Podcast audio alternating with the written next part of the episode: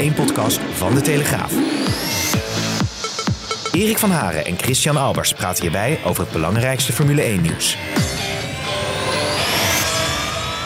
Ja, het geduld werd een beetje op de proef gesteld, maar we zijn er nu toch met de nodige vertraging. Uh, Chris, ik zie jou half in beeld en je hebt net je zoontjes uh, even gesommeerd je niet te storen, dus je bent ook klaar voor, hè?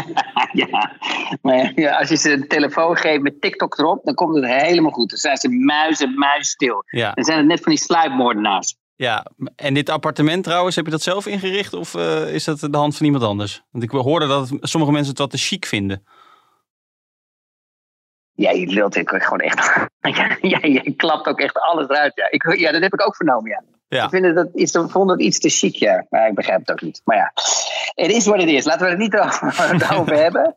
Laten we het gezellig houden. Ja, precies. Um, ja, het is dinsdag, dus we moeten nog even graven in ons geheugen. Uh, na de race van zondag en de sprintrace van zaterdag. Um, ja, laten we gewoon even, even het belangrijkste van, van de race uh, erbij pakken. Ik denk toch dat dat de slijtage van de, van de banden was van uh, Max Verstappen. Oh, maar, maar, maar, maar, hoezo gaan we de sprintrace niet doen met z'n tweeën? Hoe doen we dat? Laten we eerst even over die sprintraces beginnen. Want daar, daar was weer echt het, eh, behoorlijk wat uh, gaande weer. Dit hadden we ook in Sil Je wil de kwalificatie vrijdag dan niet meenemen, wel de sprintrace?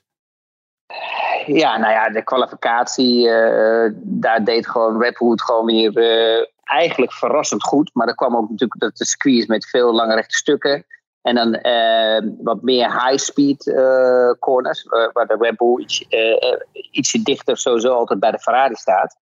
Um, um, maar ik had eigenlijk wel verwacht dat Ferrari daar nog wel wat had kunnen laten zien. Want je hebt toch wat sectors, weet je wel, zoals bijvoorbeeld die middensector, sector 2. waar Ferrari sterk is. maar toch had gewoon Max het goed voor elkaar. Blijkbaar hadden ze daar gewoon het juiste window van de, van de band op temperatuur te krijgen. En, en, en, en ligt de, de auto qua setup, hè, natuurlijk de, al die jaren ervoor dat ze gewonnen hebben, is het natuurlijk een makkelijke uitgangspositie. En natuurlijk die training die Ferrari mist. Hè, die, die, die tweede training, die is toch wel belangrijk naar zo'n qualifying toe. Um, merk je dat uh, Red Bull een beetje die voorsprong had. Dat natuurlijk al die jaren daarvoor dat, ze, dat Max die race gewonnen had. Dus en zowel dat de baan goed ligt voor Max. En de tweede is natuurlijk dat, ja, dat ze natuurlijk de ervaring hadden al met de setup. Dat je dan sneller op speed bent, op snelheid bent als, als die Ferraris. Maar verschillen waren natuurlijk minimaal hè. Leclerc en Sainz zaten binnen een tiende. Ja, maar als je gaat kijken natuurlijk uh, voor die twee. Uh, als je gaat kijken normaliter naar al die Grand Prix daarvoor dan zie je toch altijd dat Ferrari, weet je wel, echt die opbouw goed doet, weet je wel, naar die qualifying toe.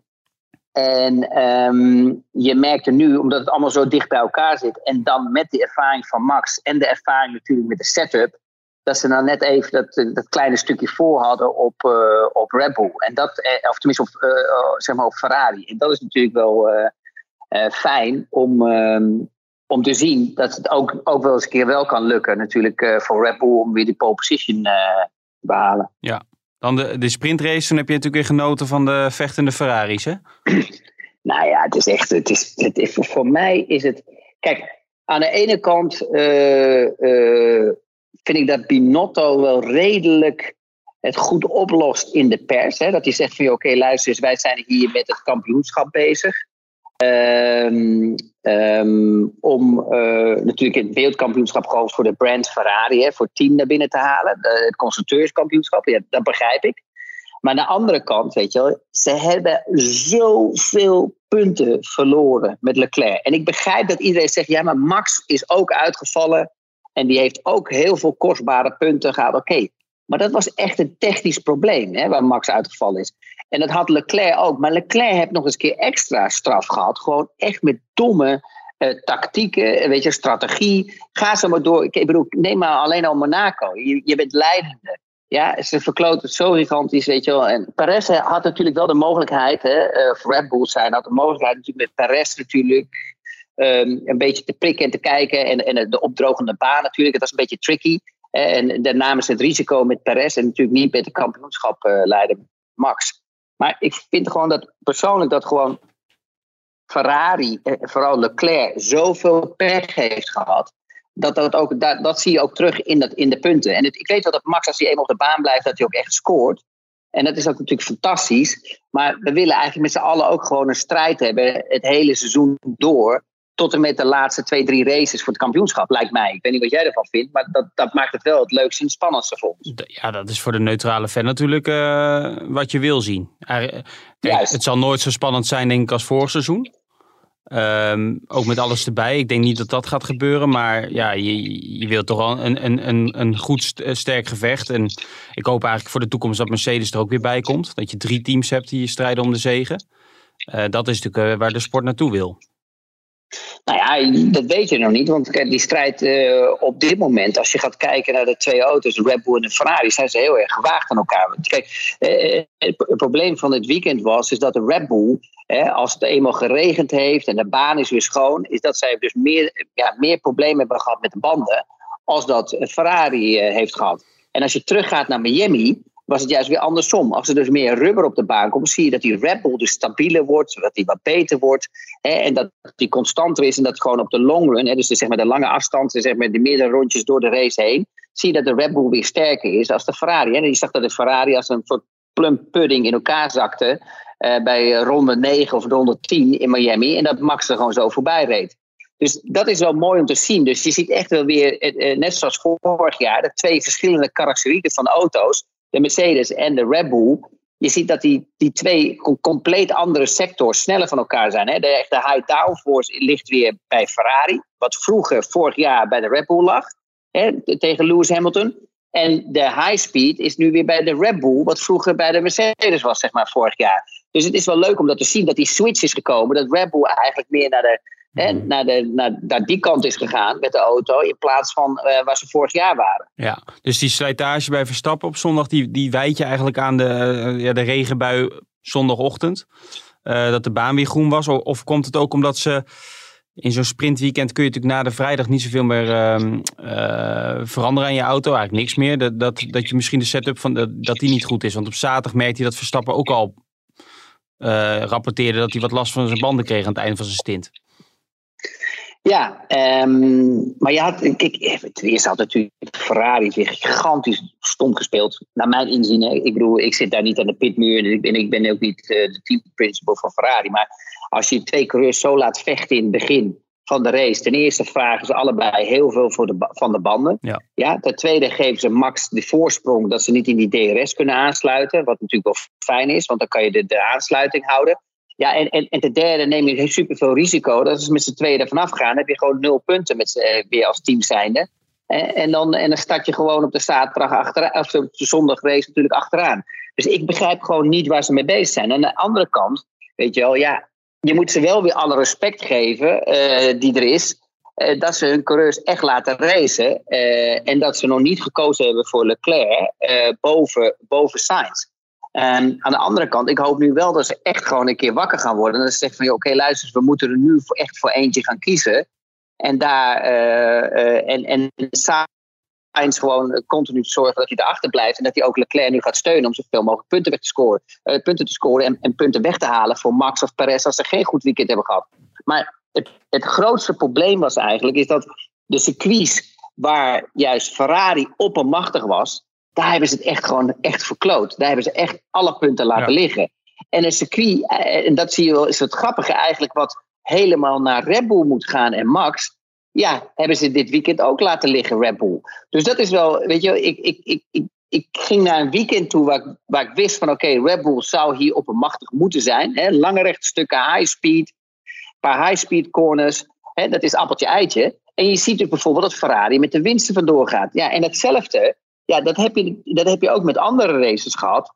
Is dat je in één keer uh, uh, circuit ziet. Waar je dacht van oké, dat is voor, voor de Ferrari. Ja, en, en die hadden het gewoon helemaal verkloot. Ja, oftewel er is geen pijl op te trekken. nou, wel qua performance. Maar dan qua dus geluk hebben aan je zijde. Ja, en perfectionisme uitvoeren zoals een team zijn. Hè. Dan zie je dus hoeveel factoren een grote rol spelen. Om juist dat resultaat te boeken dat het dus gewoon dat dat Formule 1 is en dat je er dus nooit die controle hebt. Dus het kan nog, nog zo overduidelijk zijn dat een team oppermachtig is en dat ze de beste auto hebben voor dat circuit. Maar ja, als de prestatie er niet komt, ja, dan zie je dus dat het in één keer helemaal om kan slaan. Ja, ja. Maar het was natuurlijk, kijk, de voorsprong van Verstappen was of is toch ook een beetje vertekend als je gewoon puur naar de verhoudingen kijkt. Want ik denk dat in meer weekenden dit, dit jaar Ferrari de beste auto had, dan, of de betere auto had ten opzichte van Red Bull.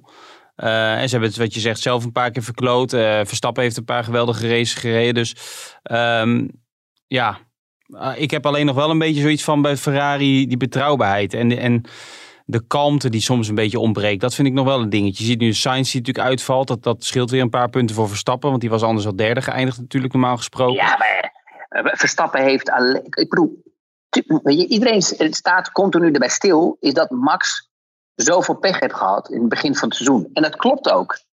Maar die pech die, die geldt hetzelfde voor Leclerc. Maar dan heb je nog eens een keer bij Ferrari al dat, dit soort domme fouten met strategie ja. en met andere dingen. En, en dat is waar ze, wat, wat het nekbottel is, wat, waar echt de problemen komen van Ferrari, is dat ze het gewoon niet onder controle hebben. En als je gaat kijken bijvoorbeeld naar de zaterdagrace, als ik daarna terugkijk, of die, die sprintrace, dan, dan zie ik bijvoorbeeld een Leclerc die wel aan het eind van de race aan kan zetten en ook een Sainz richting Verstappen. Maar Ferrari heeft natuurlijk nog steeds niet de data of Verstappen echt die banden, of dat die echt zijn race aan het controleren is, of dat echt die snelheidsverschil is. Dus voor mij was zondag ook gewoon een verrassing.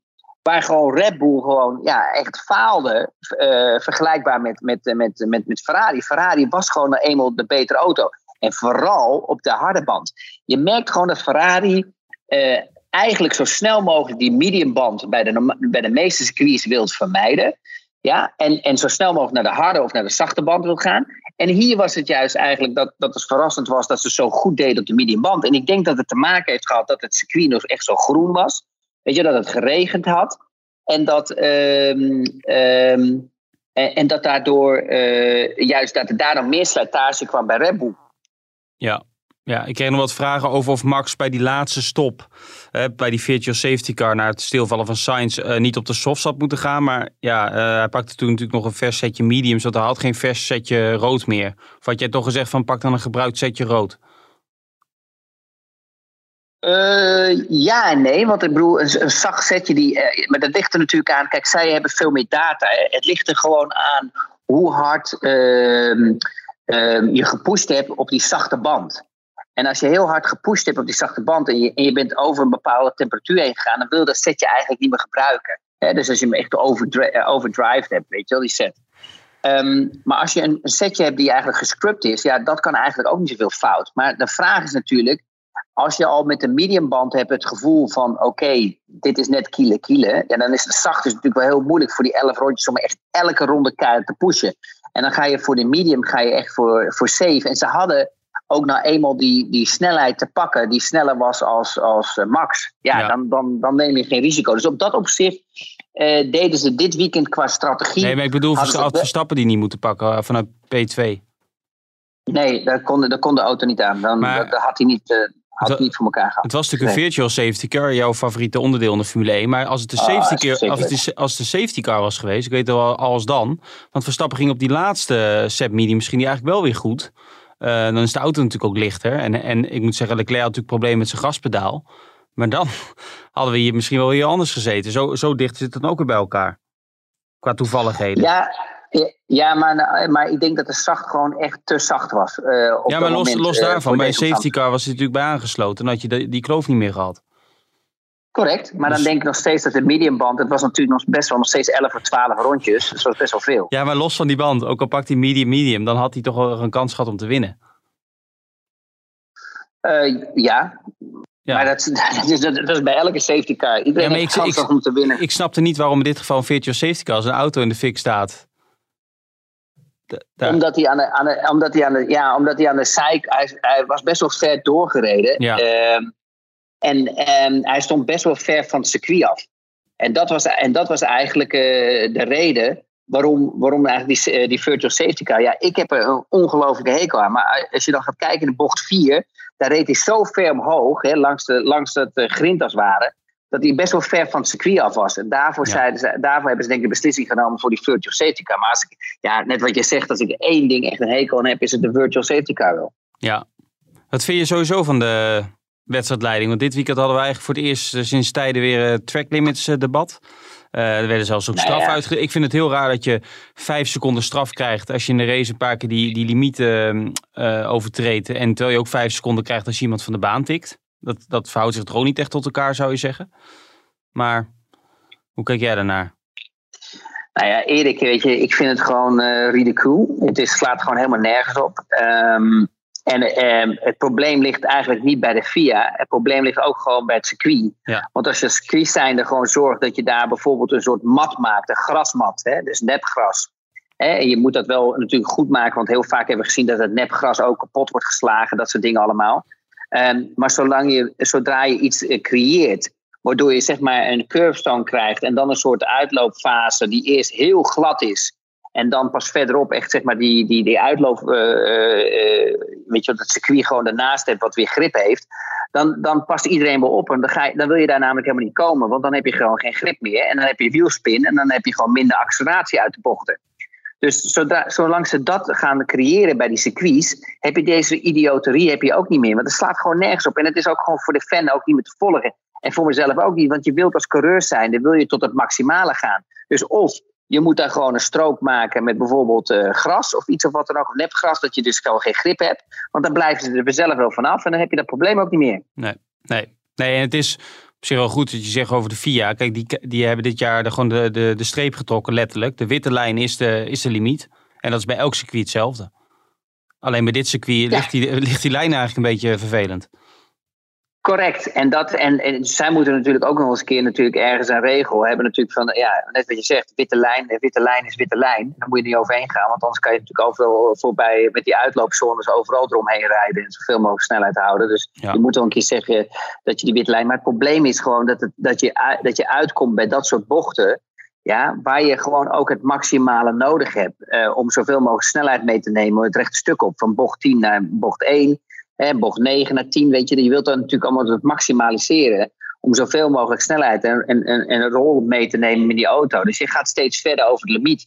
Maar daarvoor zeg ik, ze moeten iets gewoon verzinnen dat na die curbstones eh, eigenlijk iets komt wat gewoon heel glad is. Want dan, dan, dan, dan houdt het ook snel op. Want dan, dan heb je geen grip meer daar. En dan, dan past iedereen wel op. Dan, dan gaan ze maar tot en met de, uh, de curbstone. En that's it. Ja, maar ondanks alle maatregelen die de FIA heeft genomen, ook met, met dat VAR-hok in, in Genève en zo, ik kan nou niet echt zeggen dat het veel duidelijker op is geworden, dat het veel consistenter is. Als je kijkt naar de straffen en naar de manier waarop er wordt, een race wordt geleid. Eh, zaterdag is natuurlijk een vreemd moment, of wanneer was het? Vrijdag de kwalificatie met, met Perez, die dan wel Q3 mag rijden, uiteindelijk al zijn rondjes kwijtraakt. Ja, daar heb je dan juist dat VAR-hok voor, neem ik aan. Uh, Vettel die uh, boos uit de vergadering stormt vrijdag, dat soort dingen. Dat, dat toont toch aan dat ook de coureurs niet allemaal tevreden zijn.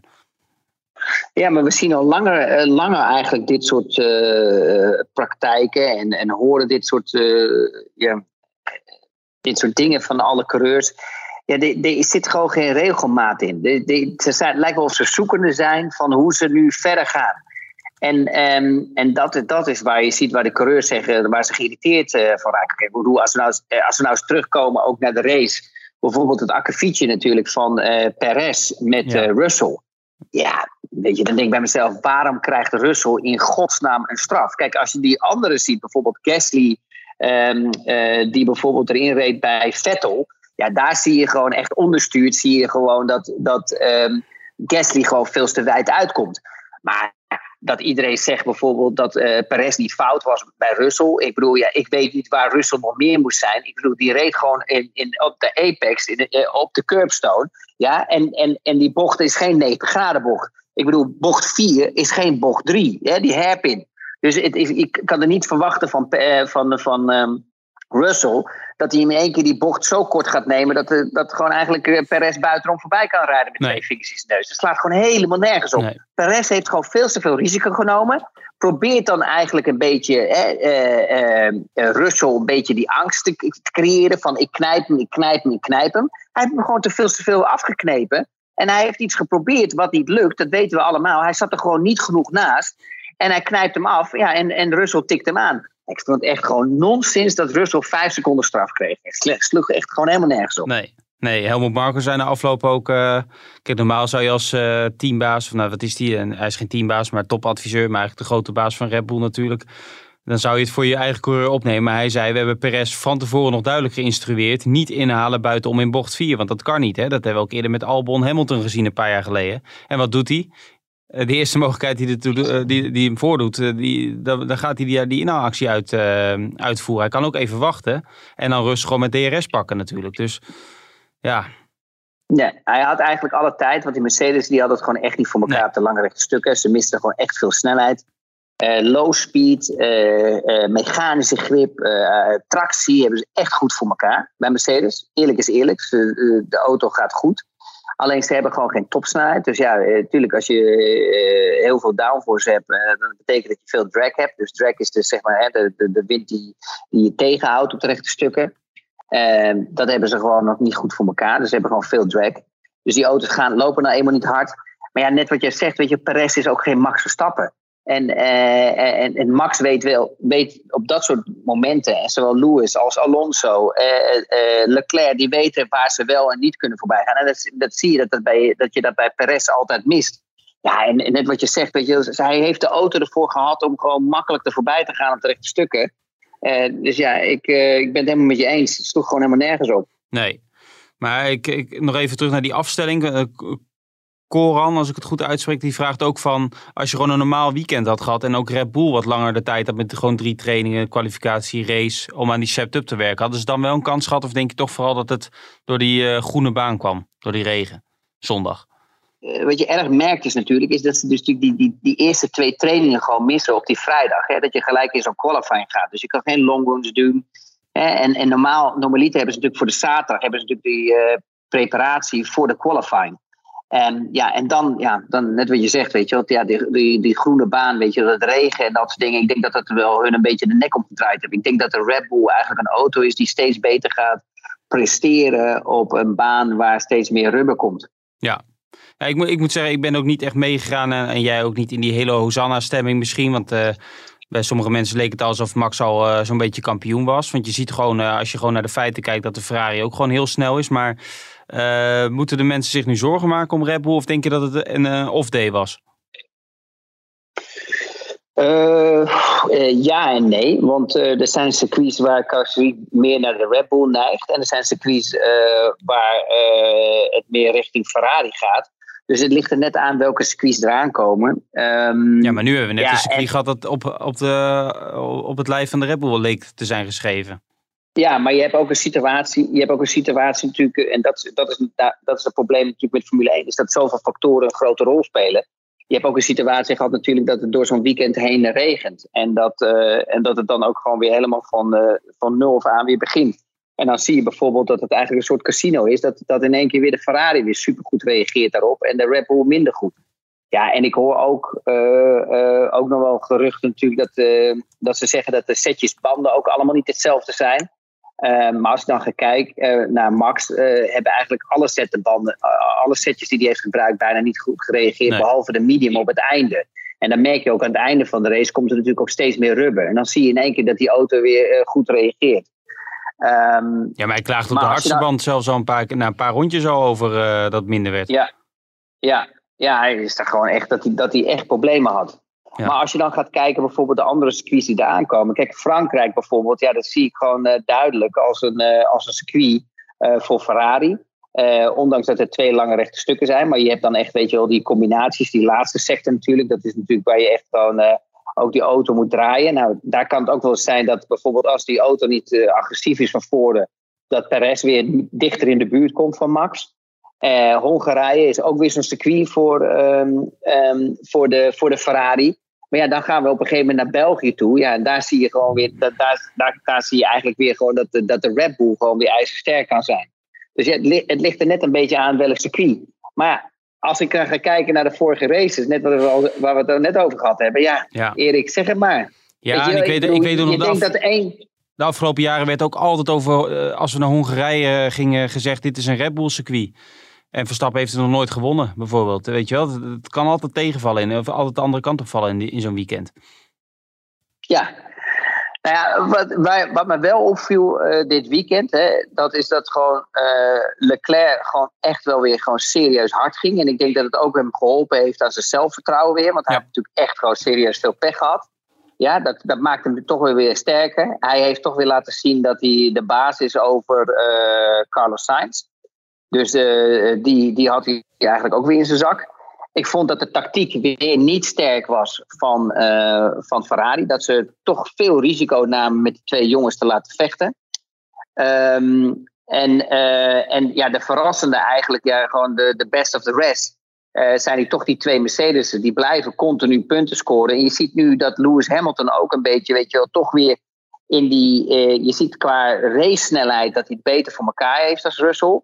Um, je ziet dat uh, die pech even, dat hij dat moet omdraaien in die qualifyings en, en ook in de races. Hè? Want we hebben in het begin van het seizoen gezien dat hij veel pech heeft gehad met safety cars, rode vlagsituaties, waar hij continu ja, toch problemen mee had.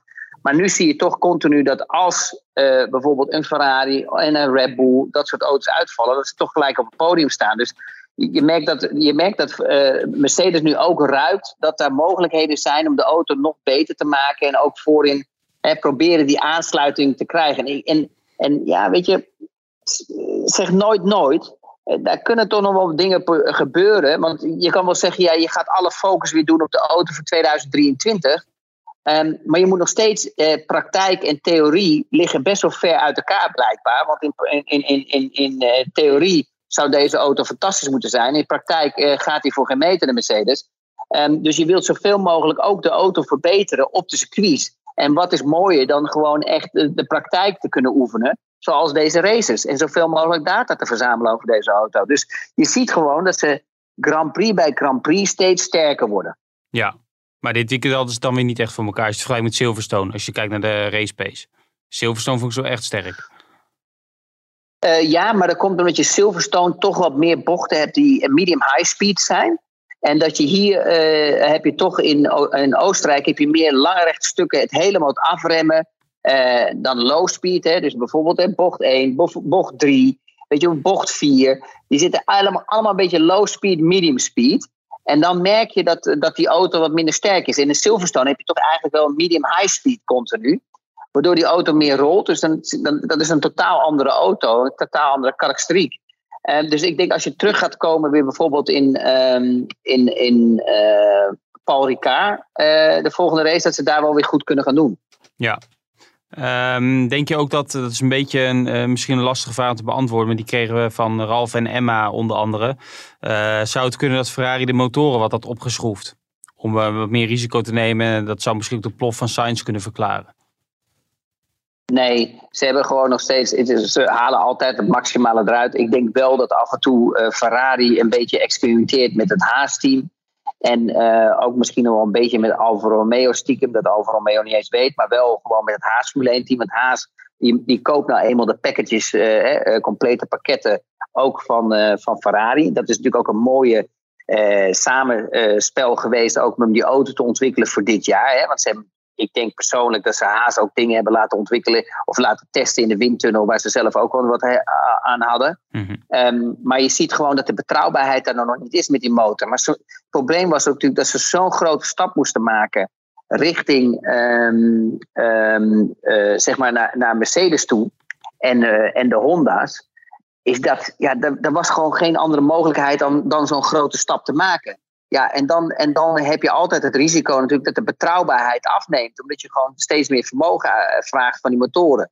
Ja, en dat is een beetje gebeurd eigenlijk. En je ziet dat ze, daar, dat, ze dat nog echt onder de knie moeten krijgen. Dat is best wel nog een uh, dingetje hoor, ja. voor dit seizoen. Ja, en ik denk dat Ferrari... Maar ik denk dat de motor niet geklapt is. Sorry dat ik onderbreek, ja. maar ik denk dat de motor niet geklapt is. Omdat gewoon ook uh, Leclerc veel frissere motor heeft als Sainz. Ja, ja. Maar ik denk dat Ferrari ook gewoon, als je naar topsnelheid kijkt, dat verschil met Red Bull. Kijk, er wordt natuurlijk allemaal gemeten. Dat, we krijgen die data natuurlijk zelf ook elk weekend. Die is wel een stuk kleiner dan, dan eerder dit seizoen. Maar dat komt misschien door die andere achtervleugel die ze gebruiken met, gebruiken met minder drag. Heeft natuurlijk niet alleen maar met de motor te maken. Nee, dat, is, dat komt door het nieuwe pakket wat ze meegenomen hebben naar Miami. Volgens mij zijn ze de eerste in Barcelona hebben ze dat ja, meegenomen. Barcelona, ja. En, ja. en dat was de eerste officiële serieuze update van hun. Ja, en dat was gewoon uh, uh, drag, drag verminderen. Ja, dus dat heeft te maken gewoon met het hele pakket. Er zit achtervleugel in. Ze hebben iets aan de vloer veranderd, kleine dingetjes. Ze hebben geloof ik aan de body nog wat dingen veranderd. Dus ze, hebben, ze zijn die auto steeds meer aan het fine-tunen. Dus waar ze, ze hebben goed gekeken waar Red Bull het wint van hun. En ze hebben dus gekeken van oké, luister we zien gewoon dat we op de lange rechte stukken gewoon heel veel verliezen. Dat betekent dat we gewoon meer downforce hebben, we hebben meer drag. En je ziet dat de Red Bull soms dan nog eh, ons, eh, best wel competitief met ons is, nog steeds pole positie kan rijden. Dus dat betekent dat we wat downforce hebben proberen, moeten we drag proberen te verliezen in de windtunnel. En daar hebben ze op gefocust. Dus ze anticiperen wel heel goed op de, op de andere auto's om hen heen. Ja, ik heb nog een vraag of van een, ah, ja, ik zag er geen naam bij staan. In ieder geval dat het een PSV en een Max Verstappen fan was. Uh, gaat Red Bull een auto snel op dieet zetten? Uh, nu blijkt dat een zwaardere auto je echt overwinningen kost. Nou ja, de auto is inderdaad wat te zwaar. Maar uh, ja, wat ik ervan begreep, komen ze na de zomerstop met een. Ik weet niet of dat direct in Spa is, kan ook later uh, zijn, maar met een nieuwe. ja, met een ander chassis. En dat moet, een, dat moet ook flink wat kilo's moeten eraf, zeg maar. Dat helpt, dat, dat scheelt natuurlijk ook rondetijd. Nou ja, ja, tuurlijk. Want dat betekent dat je natuurlijk gewoon lichter bent qua auto. Uh, en, en, en gewicht is performance. Dus dat betekent gewoon dat je sneller kan rijden. Net zoals bijvoorbeeld met de benzinetank. Ja, als je op de vrijdag rijdt, hebben ze meer benzine aan boord dan in de qualifying. En daar zie je gewoon dat je gewoon elke 10 kilo. Het ligt eraan hoe het circuit is. Bijvoorbeeld in, in Spa-Francorchamps, dat is natuurlijk een heel lang uh, circuit. Uh, daar, daar zou je misschien wel 4 tiende, 3,5, 4 tiende uh, kunnen, uh, kunnen winnen met 10 kilo minder in de auto. Dan bijvoorbeeld in, in Hongarije. Weet je, dat kan misschien ja. 2,5 tiende zijn of 3 tiende. Ja. Dus daar, daar zit heel veel verschil in qua lengte van het circuit. Hè, en het uitaccelereren natuurlijk uit bochten. als je minder gewicht meeneemt, ben je gewoon sneller. Um, maar uh, wat wel een voordeel is natuurlijk ook nog daarbij, is dat je dan ook gewicht kan verplaatsen soms. Dus eigenlijk wil je eigenlijk onder, onder het limiet komen, waardoor je dus de ballast, dus wat je over hebt, stel dat je 10 kilo lichter bent dan, de, dan het limiet, dan kan je bijvoorbeeld beslissen van oké, okay, luister, die neus, zoals Max Verstappen bijvoorbeeld, ja, ik heb niet zoveel grip voor, dat je kan zeggen van oké, we maken de neus iets zwaarder, weet je wel, waardoor je iets meer druk erop krijgt, waardoor die iets agressiever, weet je wel, reageert en wat beter reageert. Dus weet je, dat, dat, is, dat, dat zijn de voordelen die je kan vinden met, met, met, met gewicht ook. Ja, als ik jou zo beluister, is Ferrari in jouw ogen de, de favoriet voor de komende race, als je puur naar de auto kijkt. Uh, maar worden dat niet gewoon een hele belangrijke race voor Ferrari? Want ja, als ze één of twee van die races niet winnen, dan wordt het gat met Verstappen normaal gesproken weer groter. Als Verstappen die een van die twee races wint. En dan wordt het wel een flink gat, uh, want we zitten nu al halverwege het seizoen. Uh, ja, maar uh, uh, laten we niet vergeten dat Ferrari en zowel Red Bull. Red Bull heeft veel punten weggegooid. Maar persoonlijk vind ik dat Ferrari meer punten weggegooid heeft als Red Bull. Ja, alleen heeft. Dus, maar je hebt gelijk. Leclerc heeft maar, het enige is dat Leclerc is... natuurlijk zelf ook nog een keer het zelf heeft gedaan. dus niet alleen maar pech, want hij heeft in Imola toen een dure fout gemaakt. Verder heeft hij ook veel pech gehad. Niet alleen ja. mechanisch, maar ook door de keuzes van zijn team. Um, en Verstappen heeft eigenlijk ja, die is twee keer uitgevallen. En verder heeft hij bijna, ja, verder heeft hij denk ik altijd het maximaal eruit gehaald. Ja, Max is gewoon mega constant. Dus laten we dat even niet vergeten. Maar daar heb ik, het, ik heb het ook niet even over wie de fout heeft gemaakt. Of het team is geweest, de coureur is geweest. Maar in ieder geval in de totaliteit zijn er gewoon te veel fouten geweest bij Ferrari. En dat heeft ervoor gezorgd dat Max ook weer eh, heeft kunnen uitlopen. Maar Max is de meest constante coureur van het veld, no doubt. Daar is geen discussie over mogelijk. Continu als Max in de auto stapt, presteert hij maximaal. Maar als je gaat bijvoorbeeld kijken zoals in Silverstone, of, je kijkt bijvoorbeeld ook in, in nu de, de laatste race, dan, eh, eh, dan zie je gewoon dat hij, dat hij weinig schade oploopt, Max, eh, als er een probleem is of, of als de auto niet gaat. Kijk, en dat, dat is gewoon dat is de vechtersmentaliteit die in hem zit. Uh, hij, hij, laat het niet bij zitten en hij blijft gewoon pushen tot het, tot het laatste moment. Ja, ja. Maar goed, er worden nog interessante weken dan voor die zomerstop. He, want, uh... Ja, maar hij heeft wel zijn voordeel. Erik, hij heeft wel zijn voordeel natuurlijk wel weer in Nederland. Hè. Dat zijn natuurlijk allemaal circuits. Kijk, hij heeft het voordeel in België wat er komt. Dus hij zou misschien wel in Frankrijk. Daar kan het nog een beetje, weet je wel, 50-50 zijn, omdat je ook lange rechte stukken hebt. Hè. Uh, dus daar, daar kan die Red Bull ook wel weer goed maken. En dan ARM in de chicane achterin. Um, en een paar high-speed lange doordraaiers ook. Um, maar als je dan naar Hongarije gaat, dan denk ik echt dat de Ferrari echt een stuk sterker is. Maar als je dan gaat kijken bijvoorbeeld België en Nederland. Kijk, Nederland heeft natuurlijk zijn voordeel weer dat, dat hij vorig jaar super goed gepresteerd heeft. En dat ze daar wel setup-wise, weet je wel, dat ze wel weten waar, hoe ze moeten beginnen. Kijk, en dan heb je al, weet je, dan heb je al de helft van, van de, ja, de helft heb je al gewonnen. Hè? Als je al een setup al begint natuurlijk in zo'n weekend eh, waar je het jaar daarvoor natuurlijk supergoed mee gepresteerd hebt. Waar je mee de race hebt gewonnen. Ja. En dan krijg je natuurlijk weer Italië. Weet je, dus hij krijgt op een gegeven moment weer België, Italië, weet je, Nederland. Weet je, dat zijn allemaal toch circuits. Singapore. Ja, dat zijn allemaal wel serieuze lange rechte stukken. Hè? En, da en daar, haalt hij, daar moet hij zijn voordeel uh, Ja. uh, Ja, halen. en we hebben inderdaad, wat, waar we het al over hebben gehad, we hebben wel gezien dat ook op circuits waar je niet de favoriet bent, je alsnog kan winnen. Ja, Waar dat nou nee, op komt. maar- laten, we niet, laten we even niet vergeten eh, de United States. Hè? Hoe goed hij deed daar. United dat we allemaal dachten dat, we, dat, ja, dat, dat we dachten dat, eh, eh, dat Lewis hem wel even met twee vingers op pol zou zetten en even weg zou rijden. Oh, vorig En jaar bedoel je, dat- Austin. en, ehm, ja, vorig jaar. Dat, dat Max hem even won. Ja, Dat vond ik echt, ik denk, de knapste race van het hele seizoen die hij gereden heeft. ja. Ja, dat was met die extra pitstop of eh, in ieder geval strategisch. Ja, nee. ja, Ik weet niet eens meer hoe het was gegaan, maar hij had gewoon de snelheid te pakken. Joh. Hij was Ja. zo snel onderweg. Terwijl het gewoon echt een Mercedes-circuit was. Hij was gewoon helemaal weet je wel, in zijn hummer, jongen. Hij presteerde zo goed daar. Dat was echt ongelooflijk. Dat was Ja. zijn beste race van het seizoen. En Paul Ricard was vorig jaar ook een mooie race. Toen, toen maakte hij die één stop meer dan Hamilton, dat hij hem in de voorlaatste ronde pakte. Dat is ook een. eh, Ja, maar dat, maar dat had wel te maken... Dat, dat, klopt, daar heb je gelijk in. Maar dat had wel te maken meer met strategie. Met, weet je ja, wel, natuurlijk. Ja. met, met, met het voordeel van nieuwe banden, dat het zoveel bracht in Paul Ricard. En daar maakte Mercedes echt een misstap. En als je gaat kijken bijvoorbeeld in Austin, was het echt gewoon dat, ze, dat hij daar echt op, eh, echt op prestatie, om gewoon. Ja. ja, ik weet niet, hij was gewoon die zondag echt on fire, zoals die Engelsen zeggen. Gewoon, hij deed het daar zo goed, er ging echt nergens over. Nee, toen zat hij er zelf ook bovenop. Ja, bovenop Ja, met dat GP, met het contact onderling, wanneer stoppen, wanneer niet en zo. Dat was wel echt indrukwekkend toen. Ja, Ja. ja. klopt. Eh, nog heel even en, kijken. dat, en dat. Ja, ga door. Nee, zeg maar. Nee, ik wou zeggen van eh, als we nog even de race afsluiten, zeg maar. Eh, wat nog opvalt, Ocon, P5. Schumacher, beste prestatie, P6.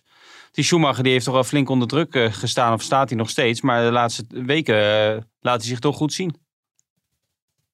Ja, het lijkt wel of het nu een be- beetje. Ja, laten we niet te enthousiast zijn. Maar het, Ja. li- het lijkt erop dat hij, eh, dat hij ja, een beetje weet je wel, in, de in de mood komt. En dat hij. eh, dat hij, dat, hij, ja, dat, hij, dat hij zich ja, meer op zijn gemak begint te voelen. Intiem in de auto. En ik denk dat dat het belangrijkste is in de auto.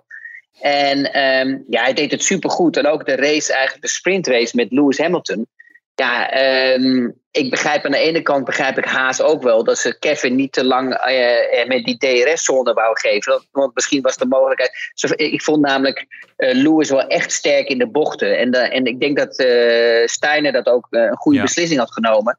Want je zag op een gegeven moment ook gewoon dat hij Lewis ook voorbij ging in bocht. Lewis ging Mick Schumacher voorbij in bocht 6 naar bocht 7 toe. Ja, dat is gewoon een eh, dat is gewoon medium high speed eh, downforce. Ja, dat laat gewoon zien dat zijn banden echt op waren. Kijk, en als je dan het risico gaat nemen om Kevin heel dichtbij te laten rijden, om, om Mick die, die DRS te geven dat Lewis niet voorbij komt, ja, dan kan je er wel eens een keer op huilen eh, uitkomen en dat je, dat je gewoon allebei de posities verliest. Ja. Dus ik, maar ik vond dat hij gewoon echt heel goed reed. Hij, hij deed het supergoed. Hij was constant. Hij maakte weinig fouten. En eh, eh, hij heeft ook geen andere keus, Erik. Want eerlijk is eerlijk, als hij naar een topteam wilt gaan, moet hij toch echt eh Magnussen verslaan. Er is geen andere optie voor hem. Er is 0,0 andere optie. Nee.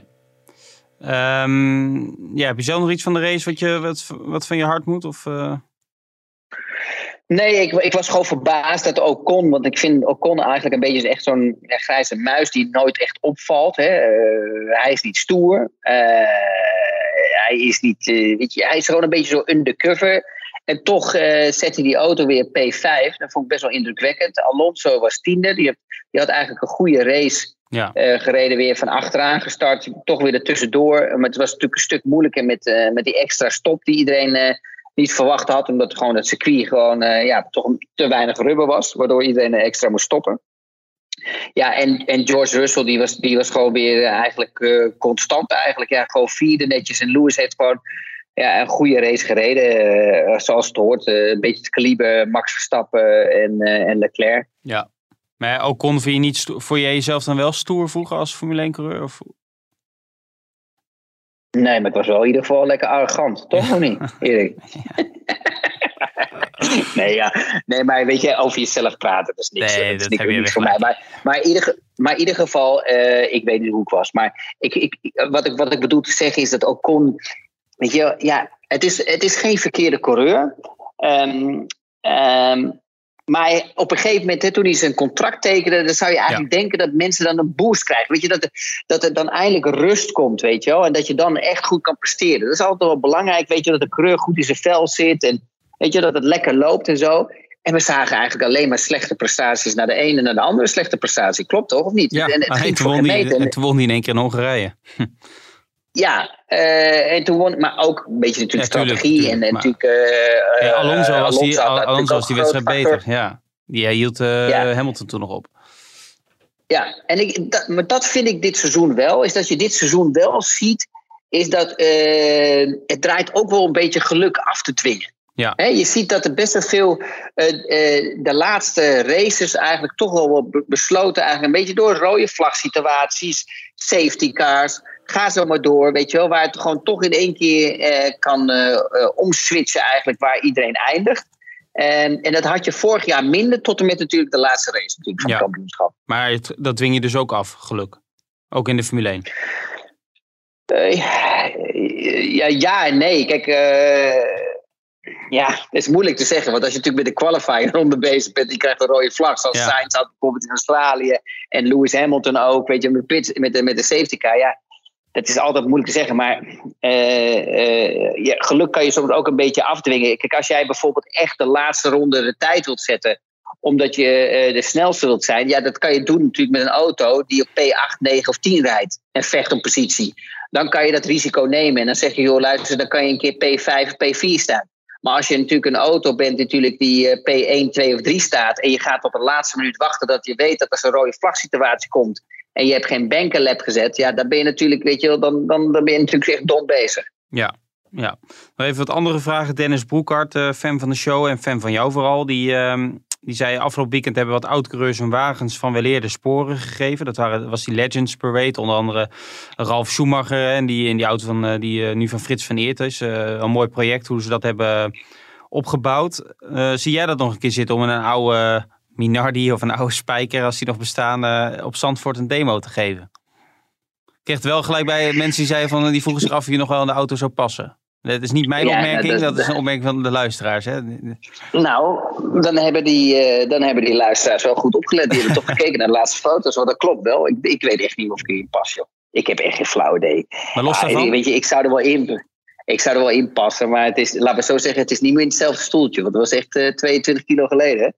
Um, en maar weet je wat ik ook vind dan Erik? Ja, sorry voor de luisteraars als ze dit uh, slappe gelul moeten aanhoren. Maar als je er eigenlijk over na gaat denken, vanaf 2010 zeg maar dat ik een beetje gestopt ben, 2009, 2010, mm-hmm. tot en met 2022 valt het eigenlijk wel mee hoeveel kilo ik aangekomen ben. Voor niet-sporten en gewoon s'avonds zoveel bestonjekoekenpakketten naar binnen te werken, stroopwafelpakketten, uh, alles snoepen, alles opeten van de kinderen. Dat is mezelf zagrijn. Ja, ja, echt maar neem je dan nu, nu als je dan uit, neem je dan ook speciaal snoep en zo uit Nederland mee, wat je daar niet hebt? Ja, 100%. 100%. En pindakaas natuurlijk ook. Kalf pindakaas is ook lekker, joh. Met beetje met uh, vlokken erop en zo. Maar sport je helemaal niet meer, Chris? Je hebt 12 jaar lang niet gesport? 0, 0,0. Nee, ik was er zo klaar mee. Ik heb 17 jaar lang heb ik dit gedaan. Het was elke ochtend, uh, zeg maar 7 uur, half 8, 8 uur, dat uh, geklop op mijn deur. En ik, uh, kijk, weet je, is, als je er eenmaal in zit, is het een automatisme. Dus dan is het niet erg. Maar op een gegeven moment was ik het gewoon helemaal spuugzat. Ik moet er ook niet aan denken, Max bijvoorbeeld, hoe hard je moet gaan trainen ook elke dag. Het is gewoon, weet je, ik heb het gewoon afgesloten. Het was fantastisch. Ik, ik zou het voor geen meter, voor geen goud willen missen in mijn leven. Ik, ik heb het allemaal meegemaakt. Ik geniet er nu meer van als op dat moment. En ik denk ook als Max straks stopt, dat hij er ook twintig keer of wel honderdduizend keer meer van geniet als dat hij er nu mee doet. Omdat je nu altijd maar onder druk staat. Ja. Um, ik denk dat bij Max trouwens stiekem wel ietsje anders is, want die reed in een topauto, weet je wel. Dan heb je iets meer rust. je kan, uh, heb ik het gevoel, en het is ook beter geregeld nu, weet je wel. Echt die topteams die, die, die kijken en luisteren echt naar die coureurs. Die geven hun ook echt die vrije tijd. Bij ons was het anders natuurlijk. Ik moest voor elke akkefietje moest ik wel komen opdraven. Wat ik ook helemaal niet erg vond, want ik vond het leuk om te doen. Maar het was wel veel werk, weet je wel. Je, moest, je had gewoon veel meer sponsors en zo. En die, die topteams die, die kijken er meer naar. Maar als ik ga kijken gewoon van hoeveel ik eet en wat ik gewoon niet doe, sport. Nou, dan vind ik het eigenlijk wel meevallen hoe dik ik ben eigenlijk. Dat is echt niet waar. Ik, ik had eigenlijk gewoon 300 kilo moeten wegen. Die bastonjekoeken, heb je dan die klassieke of met Oh, dat, met dat, lekker. met dat eh, van- wat is dat voor vanille-randje eraan? Nee, niet met die strijping, niet met Nee. die pijnstrijp aan de zijkant. Nee, dat, ga ik, dat is echt niet lekker. Nee. Jij, je ziet ook weer, maar dat zie je ook aan jouw lichaam. Jij hebt er ook echt geen ballen verstand van. Jij weet gewoon echt niet wat lekker is. Volgens Nee, ik, mij vind, weet je ik, nu, ik heb nu die, die. Zaanse huisjes, ken je die? Oh, die zijn ook wel lekker, Die ja. zitten er Ja. negen in, maar die, heb ik, die kan ik gewoon eh, in, eh, in eh, 20 minuten is het pak weer leeg hoor. Wat ik zo ongelooflijk knap vind, is dat je dus er gewoon mensen hebben die gewoon, die gewoon één of twee koekjes kunnen pakken. Ja, En dan, en dan houden ze het voor, En dan voor. Dan, dan, dan is genoeg. Nou, dat vind ik, daar, daar, vind ik, daar, daar heb ik nou echt respect voor. Dat vind ik zo ongelooflijk, dat kan ik echt niet. Bij mij gaat het hele pak eraan. Dat Ja? En dan hoor je ook alleen maar gerommel. Dus alleen maar, alleen maar de, weet je, die folie zo. ja. De hele avond. Dat is echt drama. En mijn vriendin die doet dat. Dan, dan pakt ze zo'n pak en dan, dan, dan propt ze het in, in, de, in de mond alsof het een soort wereldrecord moet zijn. En dan legt ze heel pontificaal die zak weg. Heerlijk zeg. En dan geeft ze jou een wortel, of niet? Nee, eh, zij is van de wortel. Hè? Ik, eh, dat, dat, dat, dat geknaag, dat hoeft allemaal niet. Nee, ik, ik snoep best wel veel. Maar ik heb het voordeel, dat weet je, ik kom, eh, ik kom niet aan. Ja, maar jij hebt echt iets, jij hebt iets in je buik zitten, dat klopt niet hoor. Je hebt er echt van die monstertjes zitten, dat is echt niet normaal. Volgens mij heb jij accuzuur erin zitten of zo. Dat in één keer alles verteert. Dat is onmogelijk. Ja, wat jij eet, wat jij eet is ongelooflijk. Hoe kun jij dan zo slank blijven? Ik begrijp er Ja. helemaal niks van. Ik proef wat jaloezie in je stem. Ehm, ik kreeg nog Oké, maar we gaan terug even naar de race. Nee, nee, Kom, nee, we gaan even terug nog naar de race. Nee, we hebben de race zo gehad. Ik kreeg nog wat vragen of jij, eh, want jij gaat naar Paul Ricard voor Viaplay, begreep ik. Of je dan ook Ja. die ritwalk gaat doen met Stefan. Want dat was in Monaco natuurlijk een doorslaand succes. Eh, nou, dat, dat, weet ik niet. Dat ligt aan de via play, ligt een beetje aan de planning. Maar als het aan Stefan en mij ligt, denk ik wel. Maar ik, dat ligt eigenlijk aan de, aan de organisatie natuurlijk bij ons. Daar heb ik natuurlijk niet, ik heb natuurlijk niet zoveel over het programma te vertellen. Ik kan wel inbrengen, dus ik, zou, ik hoop het wel dat we dat gaan doen. Dus ik denk het wel. Ja. Eh, ik denk 90% van wel. Maar je weet natuurlijk nooit wat er gebeurt. Nou, ik zou, het eh, ik zou het ook wel leuk vinden. Ja, ik vind het ook hartstikke leuk. Ik vind het leuk om daar rond. Maar ik, ik, zie me, ik weet niet of het voor mij echt weggelegd is om eh, dat vaak te doen. Nee, Weet je, omdat, omdat ik dat race, ja, dat racen, dat is niet, eh, weet je wel, al die circuits, dat is niet helemaal mijn ding. Maar ik vind het gewoon leuk. Het werkt goed daar met Stefan en met die andere, en met Melroy en met eh, Nelson als ik daar ben. Dus dan is dat leuk om te doen. Ja, Ja. why not? Ja. Eh, Sven Brandsma vraagt nog aan jou. Zie jij een verandering in het gedrag en het soort toeschouwers bij een Formule 1 race ten opzichte van vroeger, in de tijd dat jij reed? Ja, maar ik denk dat het niet alleen bij Formule 1 is. Ik denk dat het bij elke sport is. En ik denk dat het ook in het hele leven is. Ik bedoel, als ik nu ga kijken naar eh, mensen, hoe ze allemaal op mobieltjes en social media allemaal zijn. Eh, Ik bedoel, dat, ja, dat was in mijn tijd nog niet. Eh, gewoon stukken minder. Dus weet je, alles verandert. Ehm, ja. Ja, Erik, we hebben het er zoveel, zo vaak met z'n tweede over gehad. Hè, als we terug, eh, als we naar gaan kijken natuurlijk. En wat, als we eh, luisteren naar poelgeroep of wat dan ook allemaal. Ja, weet je, kijk, er zijn een beetje gemengde gevoelens voor mij. Eén, ja, je kan het niet maken en het is not done. Eh, zo simpel is het. En het, hoort ook helemaal niet thuis bij Formule 1. Want het is namelijk, je bent eigenlijk voor iedereen een beetje. Je hebt je altijd wel een favoriet. Maar wij zijn dat niet gewend. Eh, of tenminste, ik ben dat niet gewend. Dat er boelgeroept wordt en dat soort dingen. Dat heb ik eigenlijk nog nooit meegemaakt. Ehm, maar aan de andere kant, weet je wel. eh, er zijn natuurlijk fans die gewoon echt diehard fans zijn. En daar kan wel eens emotie de overhand spelen. En of dat goed is of niet goed is, ja. ehm, eh, tuurlijk is het niet goed. Maar ik kan me ook wel eens voorstellen dat de emotie even Ja. eh, overruling is eh, van eh, de realiteit. En dat, dat is natuurlijk niet leuk. En dat zou niet moeten gebeuren. En dat is ook niet nodig met, met, met Formule 1, om heel eerlijk te zijn. Maar ja, weet je, wie zijn wij om daar iets over te zeggen? Nou, kijk, we hebben dit weekend natuurlijk los van dat boelgroep en zo, kan er ook nog iets, dat is ook natuurlijk een beetje actie-reactie en dat wordt misschien ook een beetje, word je een beetje opgejut door degene eh, om je heen. Maar ja, we hebben dit weekend natuurlijk ook de meldingen gehad over met name vrouwen die zich niet eh, eh, veilig voelden of in ieder geval die vervelende ervaring hadden meegemaakt. Eh, dat is natuurlijk wel. eh, kijk, eh, ik ben het met je eens. Dat heeft eigenlijk niks met Formule 1 te maken. Hè. Dat, dat zie je ook als Ja. 50.000 Nederlanders. Of, of het nou Nederlanders zijn of Britten. Het wordt nu ook net gedaan alsof het alleen met Nederlanders gebeurt. Dat geloof ik ook niet. Maar er zit gewoon een groepje tussen. Dat, zeker als ze in het buitenland zijn. Dan zijn ze samen. En dan zitten ze drie, vier nachten op zo'n camping. Dan, dan voelen ze zich ja, onoverwinnelijk of zo. Alsof ze helemaal geen normen en waarden meer gelden. Zoals vorig jaar in Zandvoort hebben we dit toch eigenlijk niet gezien of gehoord. Nee, maar weet je, het is. kijk, het probleem is gewoon met Formule 1. Kijk, eh, eerlijk zijn, iedereen doet tegenwoordig Formule 1. Ik Ja. weet het, het is ongelooflijk. Ik heb nou eens een keer gekeken, eventjes, als je YouTube kijkt of wat dan ook allemaal.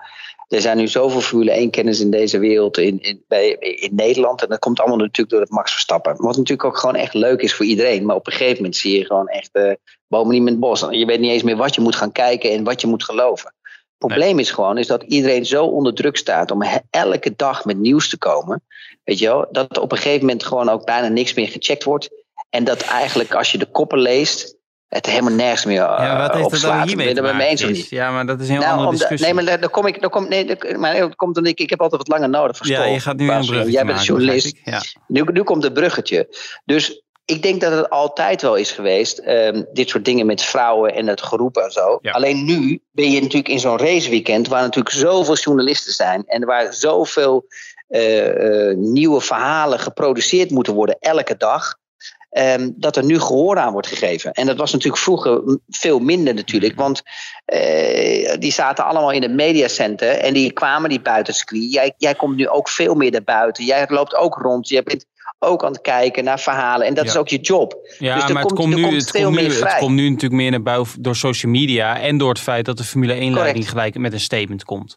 Kijk, Juist. en wat ik ook nog wel moet zeggen... Maar dat moet ook, maar, lu- maar luister, dat vind ik eigenlijk ook wel van. Maar die, die moeten wel met een statement komen.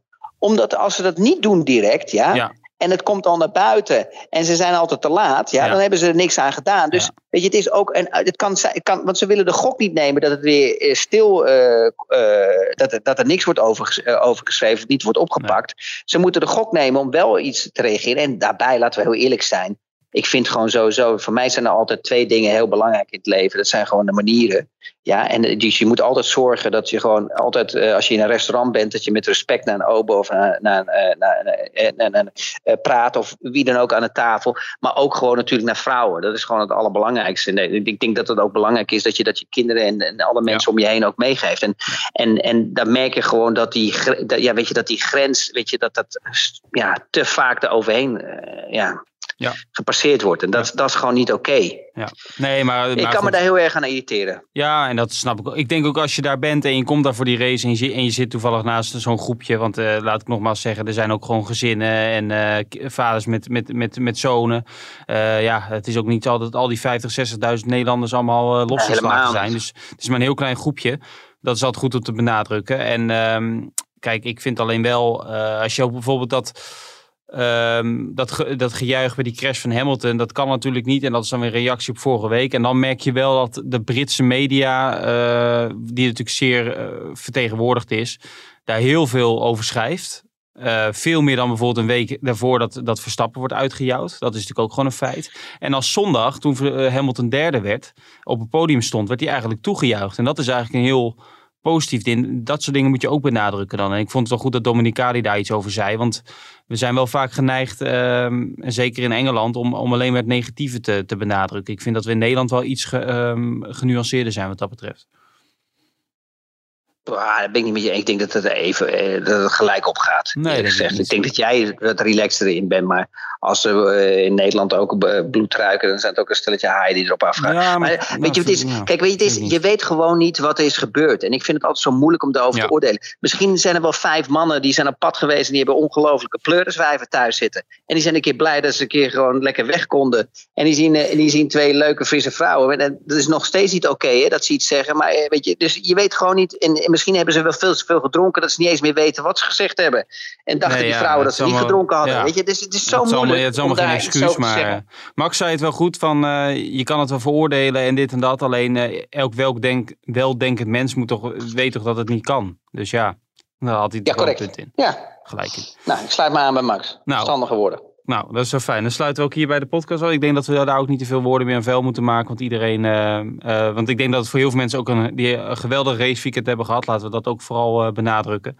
En Oostenrijk is denk ik een van de. Daarom is het ook wat te druk. Het is geweldig geregeld. En het is een geweldig circuit, geweldige omgeving. Dus ja, ik verwacht dat het volgend jaar weer een groot feest wordt daar. Dankjewel hè. Dankjewel allemaal. Ja, wij zien elkaar, wij zien elkaar in Paul Ricard, Chris. Ja, En dan zijn we die uh, maandag daarna weer met een podcast. Uh, nou, en ik hoop dat ja. mensen ook die via Play kijken, dat ze, dat ze gaan kijken. Dat is leuk. Ja, Kunnen ze me zien. Misschien vinden ze het wel helemaal niet leuk als ik op televisie ben. Nee, ik ben benieuwd in de kijkcijfers dan. Ja, goed. Klopt. Tot zover de reclame van Viaplay. Dit was de Telegraaf Formule 1 podcast. Uh, Chris, uh, dank voor je tijd en uh, tot de volgende keer. Dankjewel. Ciao, okay. ciao. Doei, doei.